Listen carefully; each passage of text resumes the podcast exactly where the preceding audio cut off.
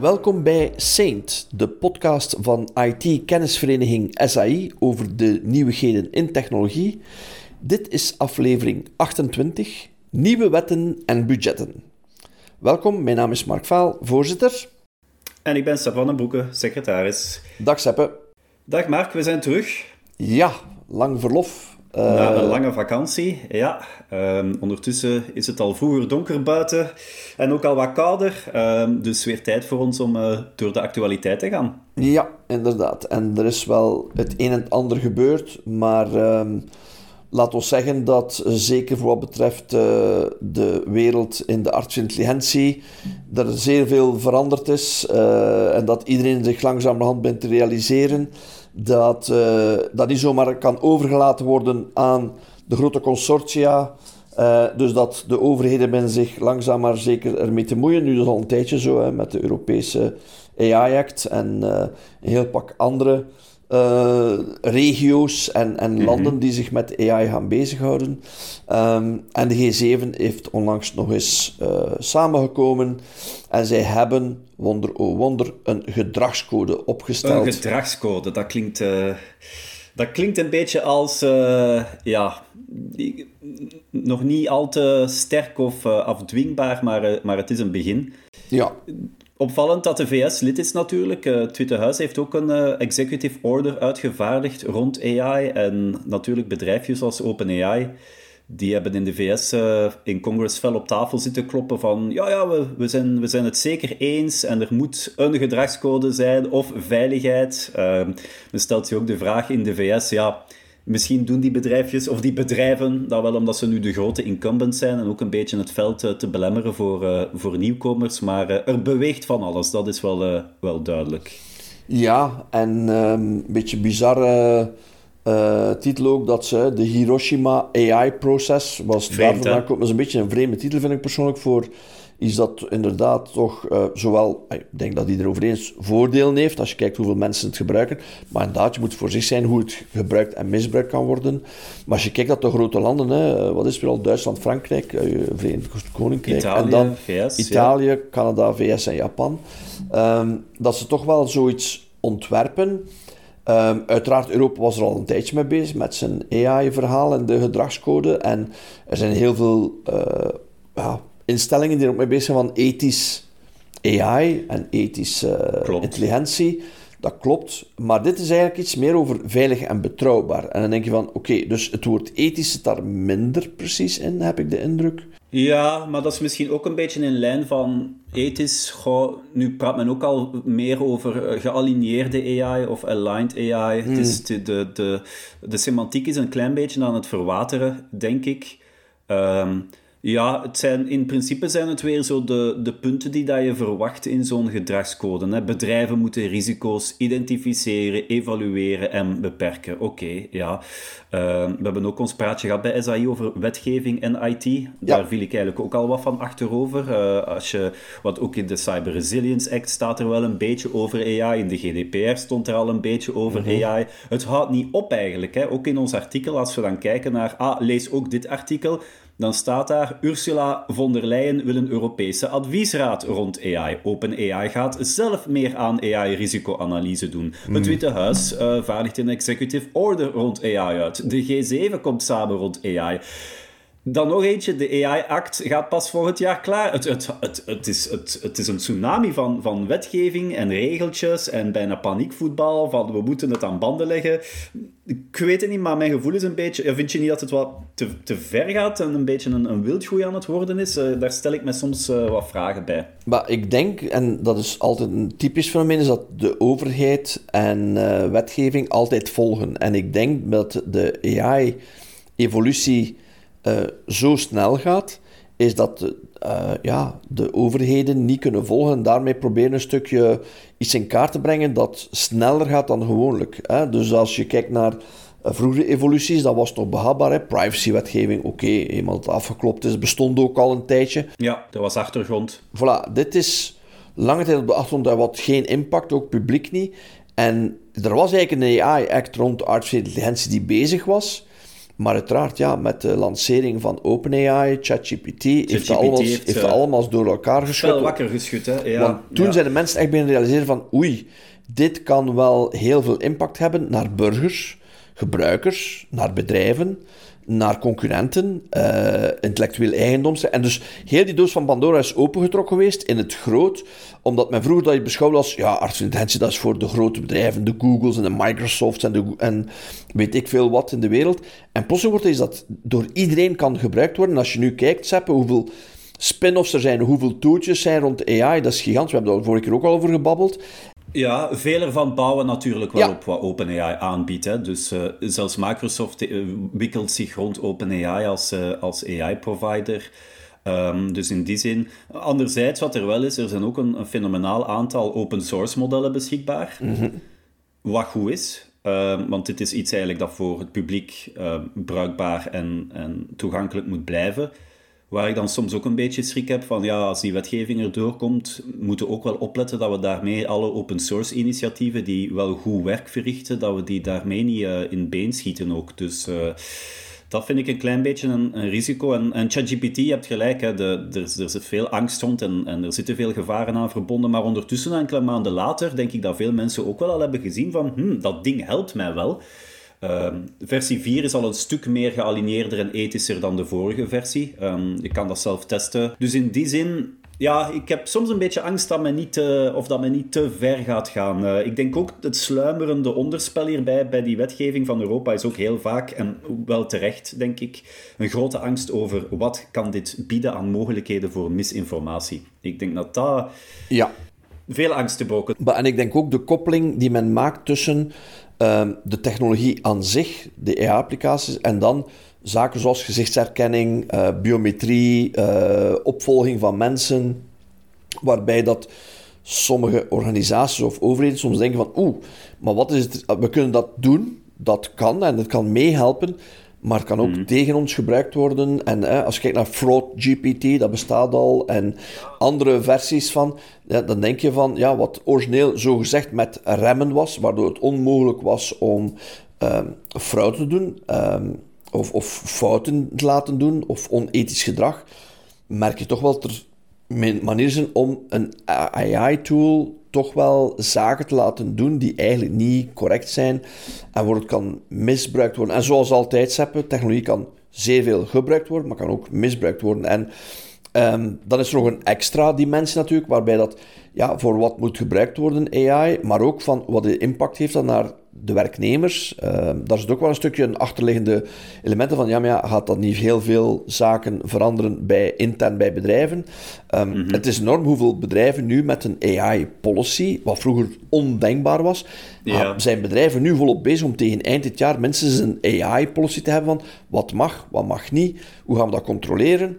En dan wordt een beetje een soort bizar verhaal dat AI wordt gebruikt om andere AI's oplossingen te gaan controleren, wat compleet uh, bizar is. Compleet maar, raar is. Maar ja. anderzijds, dat moeten we ook een beetje durven omarmen. Met elke nieuwe grote spurt in technologie krijg je dat soort van transitiefases. Hè. Eigenlijk, de hele IT is er ook een beetje opgestoeld. Hè. Mm. Ik denk dat we er ook niet te afkerig moeten zijn. Ik denk dat het veel potentieel kan bieden ook in die zin. Maar inderdaad, hè, zoals je zegt, zal nog een, uh, nog een tijdje van uitzoeken zijn en, en de weg vinden en, en de juiste afwegingen maken.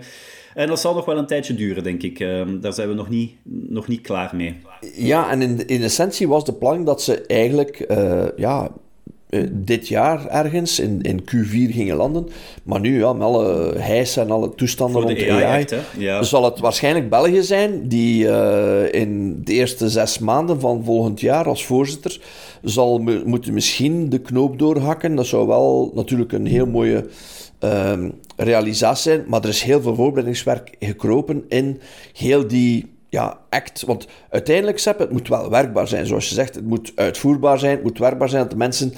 Dat we niet een soort uh, eiland maken in de wereld waar AI niet wordt gebruikt. Of Terwijl dat de rest van de wereld lekker, zeggen, lekker voordoet. Voilà. Ja, inderdaad. Hè. Um, ja, blijkbaar, uh, Reuters is, uh, heeft het artikel eigenlijk gepitcht en, en zij claimen dat eigenlijk het, het grootste probleem dat de AI-act tegenhoudt, het, het feit is over de controleerbaarheid of de elementen over controleerbaarheid. specifiek, ja, hoe gaan we de controles op AI-modellen uitvoeren? Ja, En dan is het klopt. altijd een kwestie van, ja, zijn het de ontwikkelaars die dan maar een risico-inschatting moeten maken? Wat dat, laat, laat ons eerlijk zijn, bij AI-modellen ook gewoon moeilijk is om te doen. Die modellen zijn black box in nature, dus om daar echt een volledig inzicht in te krijgen is niet altijd simpel. Versus ja, misschien eh, instanties die erbij kunnen helpen of die controles gaan uitvoeren. Ehm, die- ze zijn er nog niet helemaal uit. Nee, klopt. En vandaar wordt vervolgd. We gaan dat zeker ten, eh te gepast tijden ook bij SAI. Als eenmaal die act klaar is, zullen er waarschijnlijk heel veel sessies zijn. Denk dat het belangrijk is voor onze leden dat ze weten dat er zeker ook een sessie zal komen waarbij die wordt uitgelegd wat pro en contra is en wat mag. Maar ik denk dat inderdaad, zoals je er echt al zei in het begin, het zal misschien wat verwaterd worden.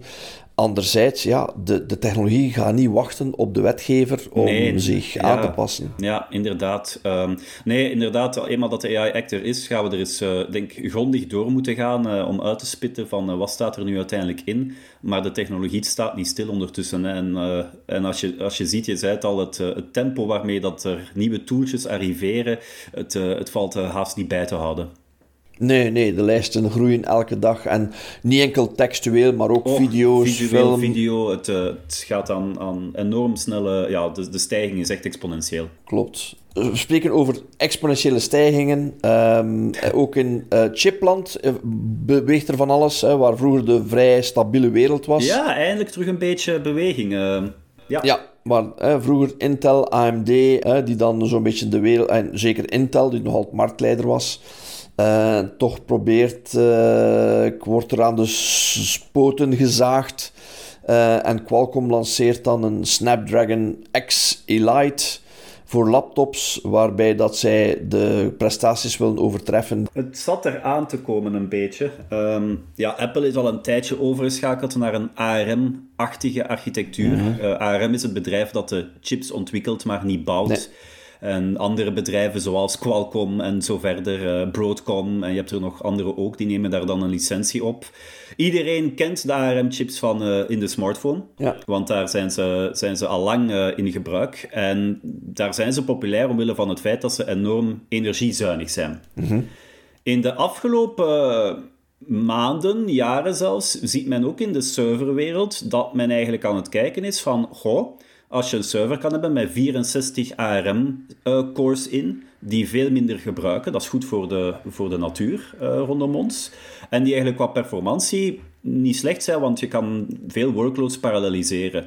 Ehm, op de desktopmarkt, uh, uh, Apple is daar ook mee begonnen met die filosofie. Uh, AMD heeft dat een beetje gevolgd in hun architectuur. En Intel is zo'n beetje het buitenbeentje geweest die altijd zijn blijven zeggen ja, maar wij blijven vasthouden aan onze architectuur van minder cores, maar wel sneller per core, complexere instructiesets en ook een hoger energieverbruik. En daarmee haalt je nog altijd de beste prestaties.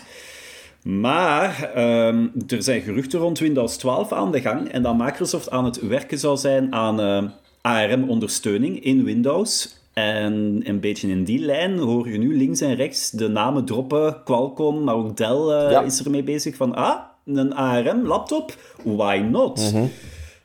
En dat zou het wel eens heel spannend kunnen maken, want we hebben eigenlijk op Apple al gezien dat die filosofie, dat die ja, goede resultaten oplevert. Dus... Um, ja, misschien uh, lopen we allemaal binnenkort met een, uh, met een niet-Intel of niet-AMD-machine uh, rond. wel, het zijn boeiende tijden. Alles zal natuurlijk afhangen van het prijskaartje, want uiteraard zal het ook wel meevallen. En uiteraard, zoals terecht aanhaalt, de energiezuinigheid, maar ook de, ja, de warmtegeneratie, want eh, er zijn toch wel recentelijk ook wat artikelen verschenen van uh, onder andere Apple, waar dat sommige devices uh, nogal heet werden bij langdurig gebruik, wat ook niet de bedoeling is. Mm -hmm. Dus ik denk dat naast het, de architectuur aan zich men toch wel zal moeten nadenken over oké, okay, het is goed, maar maak ook wel voor een chip in een server met heel veel koeling.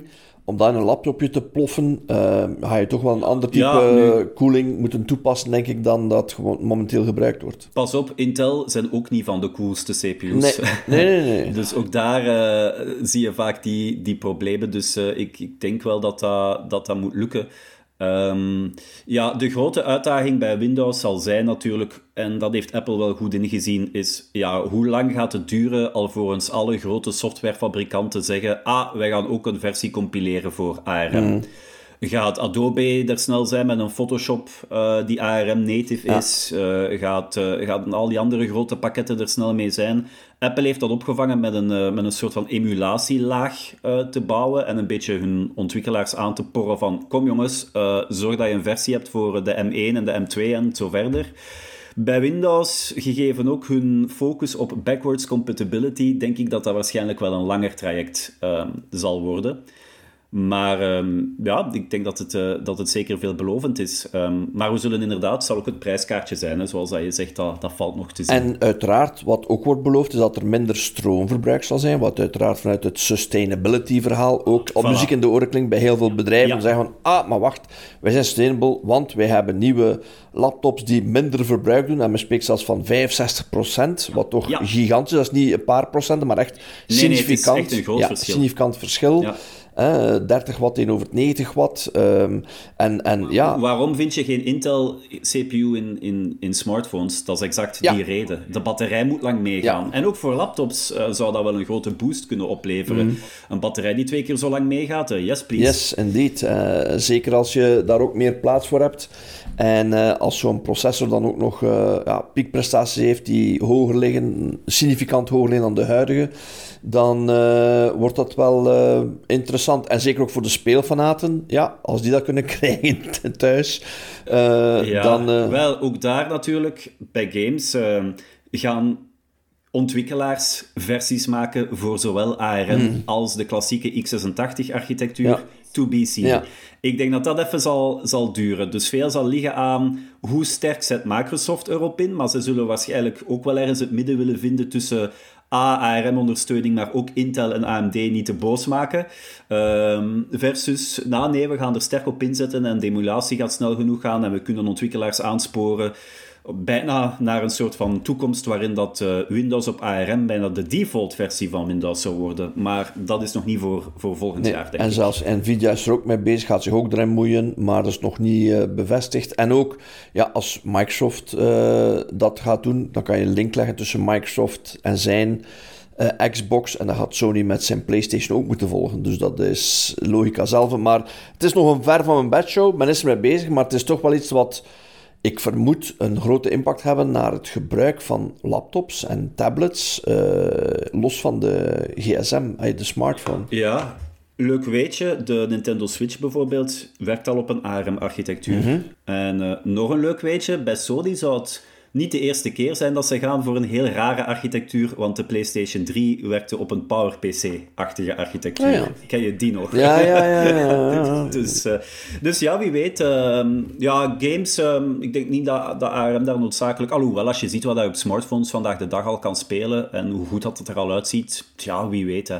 Um, maar, uh, maar efficiëntie, sustainability, uh, meer parallelisme. Uh, 64 cores laat een aantal nieuwe workloads toe, simulaties, experimenten, dat soort zaken voor onderzoekers. Dus in die zin is het ook wel, wel interessant.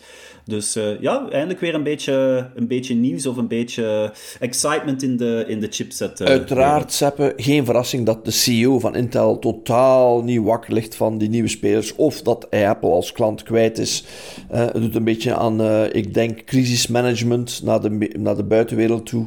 Um, omwille van het feit dat van ja, maar ja, de geschiedenis en de PC-markt, uh, je dat definieert, ja, dus dan inderdaad zal de Intel wel nog, uh, nog altijd marktleider ja, blijven. Die, die ligt er niet wakker die van. Die ligt niet wakker uh, van. Die denkt uh, nee, geen maar ja, wat zou je zelf zeggen?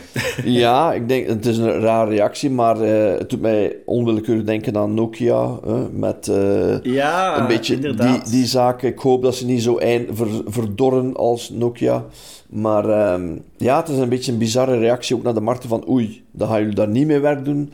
Dus dat is een beetje een bizarre reactie. Ja, iedereen zit eigenlijk al te klagen, of al een tijdje te klagen tegen Intel van jongens, waar blijven jullie? Zware revisies in termen van architectuur. Iedereen heeft nu wel door dat meer cores het pad voorwaarts is en ook een verschil maken tussen performance cores die voor korte tijden veel stroom innemen om zware taken te verrichten versus een groter deel kleinere efficiency cores voor, uh, voor achtergrondtaken uit te voeren. Mm. Ze hebben dat eigenlijk tot heden nog, nog niet willen, willen volgen.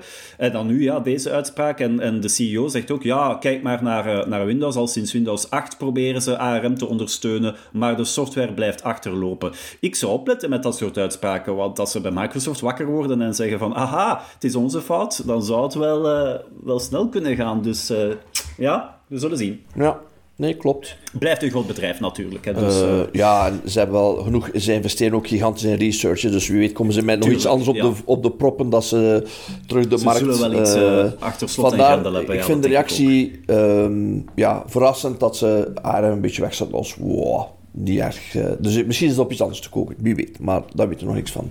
To be seen. Um, over anderen die aan het koken zijn en, en toch wel een aanpassing doen aan hun strategie. Hè, Meta met uh, Facebook en Instagram. Um, gaat uiteindelijk voor Europa, en enkel voor Europa, een model lanceren waarbij dat je zonder enige reclame, jawel Seppe, zonder enige reclame, toch kunt gebruik maken van Facebook en Instagram. En het is niet ik gratis. dacht dat dat Adblocker heette. nee, het is uh, een uh, service, uh, laten we zeggen, af rond 10 euro per maand voor web en 13 euro per maand voor smartphones, dus iOS en Android. Um, dat is wel even aantikken, hè? dat is maal 12. Ja, dat is, niet, dat is weer een extra service bij. Um, ja. Persoonlijk heb ik zoiets van, nee, dank u. Um, ik weet niet wat jij denkt. Um, maar ja, als, als je misschien een zware gebruiker bent op uh, iOS bijvoorbeeld, en je bent die reclame echt beu, ja, misschien voornamelijk voor de Instagram-gebruikers, denk ik. Ja, ik denk voor Instagram-gebruikers zou het inderdaad een, uh, een voordeel zijn. Um, ik denk dat mensen, het is een beetje too little too late, heb ik de indruk. In die zin dat, mm. ja, mensen zijn nu eenmaal gewend, moest je zeggen, het is een nieuwe service en men past zich aan, ja.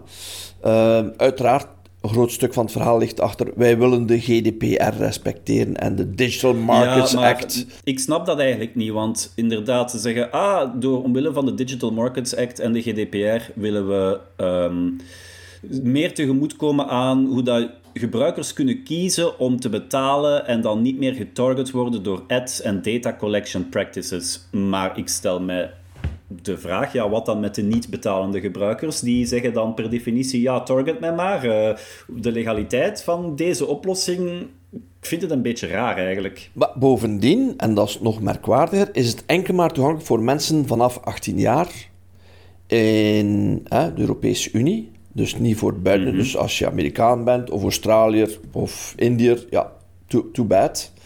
Um, en er is geen garantie dat ze het bij die 10 of die 13 euro blijft. Het zou dat kunnen dat ze nog 6 euro extra gaan aanrekenen of 8 euro uh, per linked account. Dus als je zegt van ja, maar ik gebruik ook ja, voor want... mijn bedrijf een aantal accounts, ik heb een aantal Facebook en Instagram accounts voor mijn bedrijf, dan moet je nog extra uh, om geen reclame te hebben in uw account.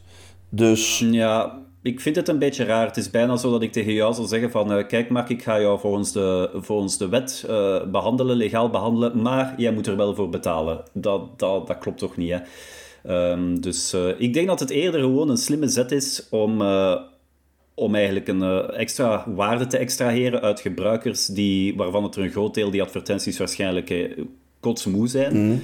En er dan een soort van uh, verhaaltje om over Europese regulaties aan te hangen. Om zo'n beetje het gevoel te geven van... Ja, kijk, uh, wij willen jullie niet laten betalen, maar het is Europa die het uh, ons, on, ons ertoe forceert. Het komt bijna zo over. ik vind het een beetje een rare mix. En, en er zijn zelfs mensen die discriminatie claimen. Die zeggen, ja, maar ja, wacht, ik ben in de Verenigde Staten, dus ik kan dat niet doen. Ik moet die advertentie ja, slikken, dus... Wat is de logica? Dus eigenlijk zou het wel eens kunnen als een boemerang tegen zich keren van uh, waarom moet dat per se enkel voor Europese ingezetenen? Er ja, is toch privacywetgeving in Brazilië of in Japan of in India of in... Uh... En er zijn toch Amerikanen die misschien ook graag zouden willen betalen voor een advertentievrije ervaring. Dus ja. laat ze dat betalen. Dus uh, ja. dus dat, dat is een heel rare attitude. En ja, 10 euro of, of 13 is toch niet min, hè? dat is 120 euro om gewoon geen reclame te krijgen.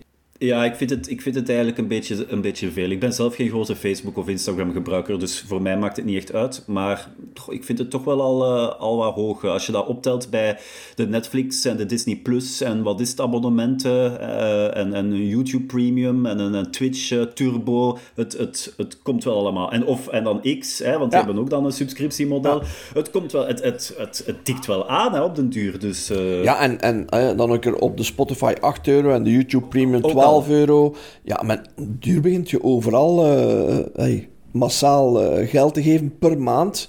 En dan denk ik ja. van, oh, valt wel mee.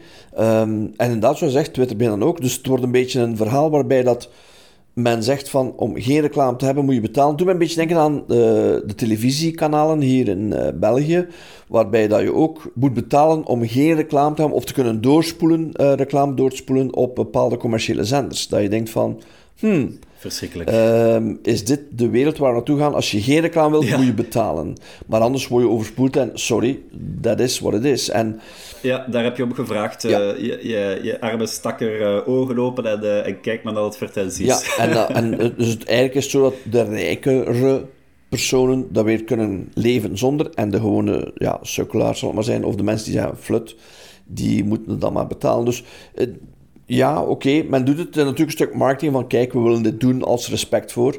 Maar um, ja, je moet al een heel stevige gebruiker En ik denk ook, zoals je zegt, Instagram. Maar ja, het is een bedrag voor alles, hè? Facebook en Instagram. Dus het is niet per... Ja, oké, okay, dat zou er nog maar aan ontbreken. Ja, maar dus ja, Meta zegt, voilà, we doen dit. En ja, als dan Google begint en Microsoft, ja, dan is het helemaal het hek van dan, want die doen dat ook eigenlijk een stuk, hè, bedoel. En... Ja, op den duur wordt elke, elke service zo gewoon een, een subscriptiemodel en, en, je betaalt je blauw ja. aan elke grote website die dat je wilt gebruiken. Dus, uh, Google met zijn YouTube, ja, hè, probeert ook naar de premium te duwen. Voilà, um, ja. En dan krijg je ook uh, zonder reclame. Dus het is aan de hand, het is een zeer commercieel verhaal, maar eigenlijk is het een beetje de omgekeerde richting.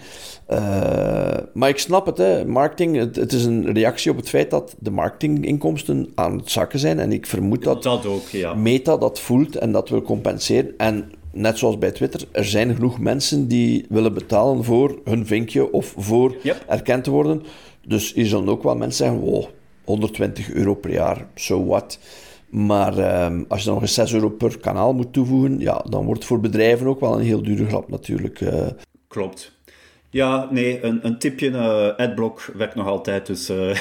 ja, maar ook daar, ja, je hebt gelijk, hè, dus de adblockers, en die moeten regelmatig een gevecht hebben, want sommigen zijn nu ook uh, te blokkeren. Zeggen van, ja, Ik wij stellen het, een adblocker maakt al vast. van hun oren en ja. zo, en op Twitch worden de ads meegestreamd, dus het wordt moeilijker om moeilijker. dat is een een eindeloos gevecht. Maar ja, ik ben nog altijd van de strekking. Uh, mijn user agent, mijn browser, uh, moet mijn wensen volgen en, uh, en mij niet overladen met content waar dat ik niet naar op zoek was of geen interesse in heb. Dus het is een beetje een gevecht over ja, van wie is de real estate hier op mijn scherm? Hè? Van, van, van Facebook of van mij? Dus en het is een warme oproep eigenlijk om mensen te laten migreren naar de privacy browsers zoals Brave, die dan uh, eigenlijk wel al een heel pak van die reclame eruit filteren en op zijn minst al de cookies en dergelijke Ja. eruit filteren. Dus een warme oproep. eh, check eens eh, Brave en eh, eh, ja, de, de, de search engines zoals DuckDuckGo om minder reclame Yes. te hebben en toch te kunnen gebruik maken van de Google Search. Het klinkt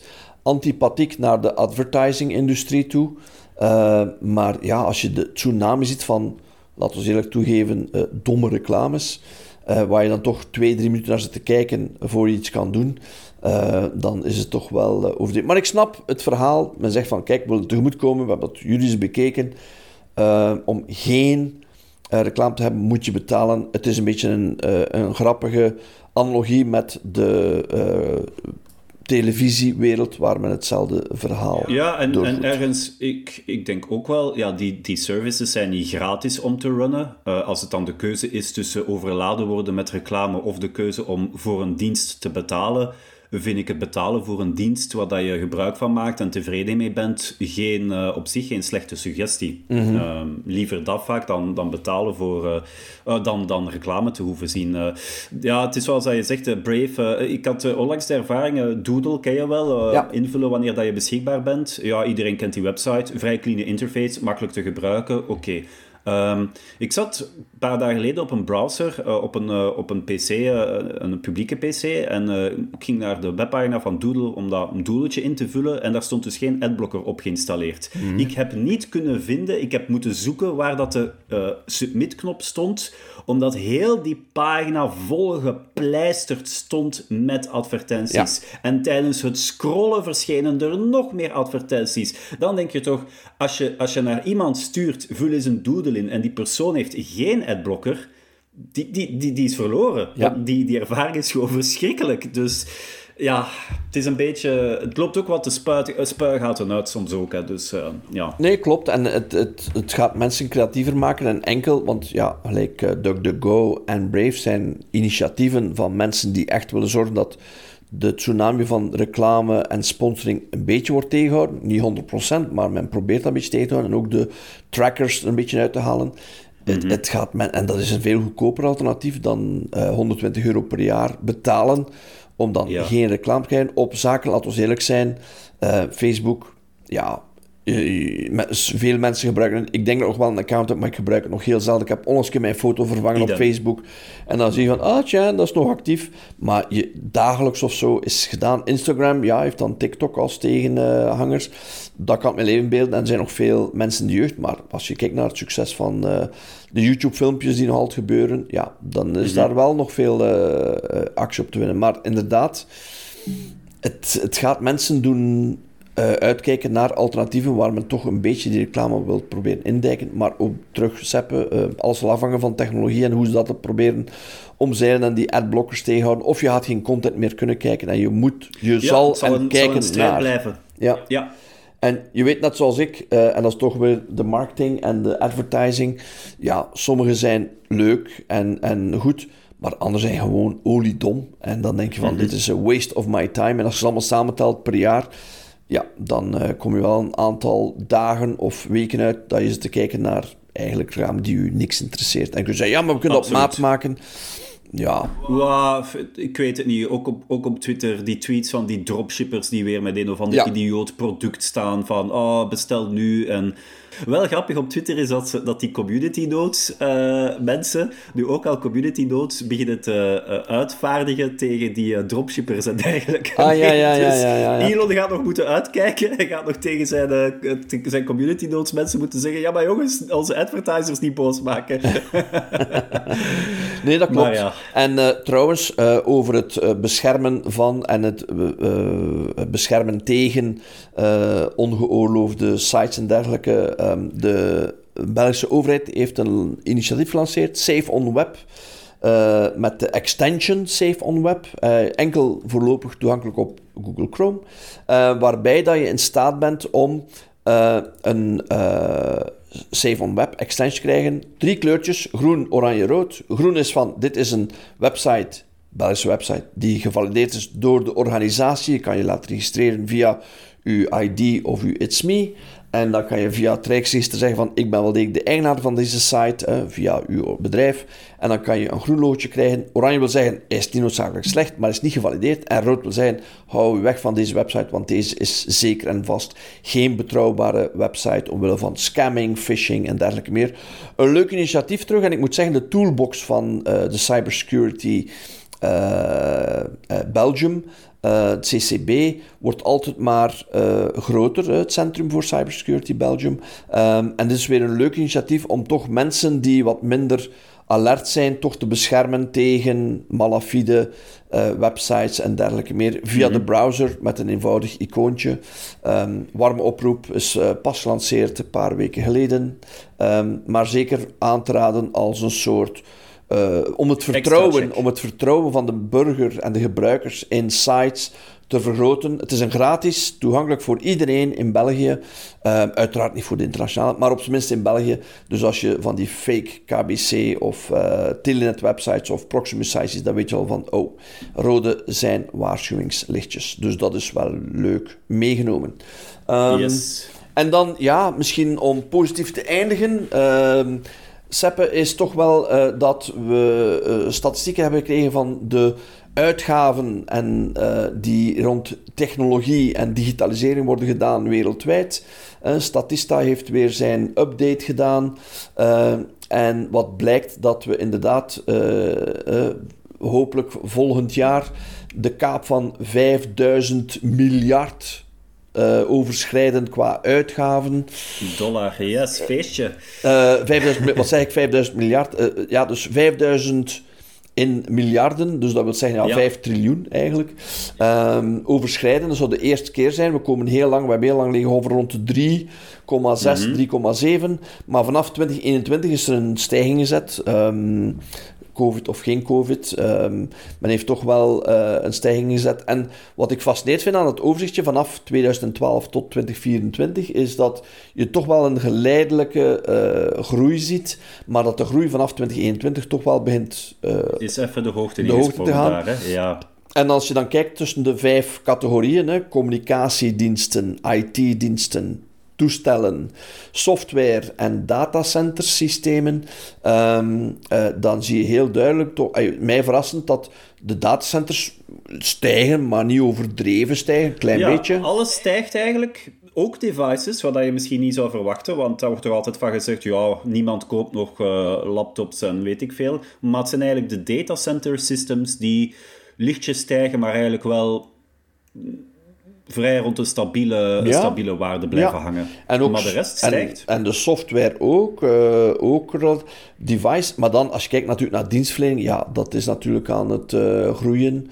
Uh, dat is de meest stijgende groei. Ook geen verbazing, denk ik, als je kijkt hoeveel nee. in digitale services wordt geïnvesteerd. Um, dat is wel een interessant uh, gegeven. Maar bericht dus voor iedereen die nog met budgetten bezig is in de maanden oktober, november uh, en de race doet naar het afsluiten van zijn IT-budget. In essentie wordt verwacht dat er een stijging is in de IT-budgetten voor volgend jaar. Um, zeker voor dienstverlening. Uh, ook naar toestellen. Voor de mensen die wat lang gewacht hebben om toestellen te vervangen. Um, ik zou toch uh, kijken of het misschien niet de moeite is om een aantal toestellen te vervangen. En uiteraard, ja, software en, en datacenters blijven ook groeien wereldwijd. Mm -hmm. Maar ja, ik vind toch wel een interessante evolutie um, dat je niet verwacht. Want veel mensen zeggen, ja, we zijn toch een beetje over de piek heen, moeten een beetje besparen, een beetje inkrimpen, we weten niet wat de markt gaat doen. Maar je merkt heel duidelijk uit deze cijfers dat men toch wel een, nog een extra sprong verwacht naar productiviteit. Maar ook uiteraard AI is daar geen onbekende factor in. Cloud, AI, ja. En natuurlijk, we moeten er wel bij zeggen, dit zijn cijfers worldwide ja, natuurlijk. Dus een opsplitsing per regio's, uh, daar kun je wel fluctuaties hebben, maar de, de, de algemene trend is, het, uh, het blijft stijgen. En inderdaad, misschien uh, voor volgend jaar wel eens wel die ARM-laptops op de budgetplanning zetten en, en voilà. ja. En bij deze is de cirkel rond. En uh, komen we terug uit bij uh, de investeringen. Maar met een positieve noot. De budgetten mm -hmm. aan, worden aangekondigd als een stijging op verschillende domeinen. Uh, dus ik zou zeggen, veel moed aan degenen die nog met budgetrondes bezig zijn voor volgend jaar. En die willen nieuwe projecten of bijkomende investeringen doen in hun digitale transformatie.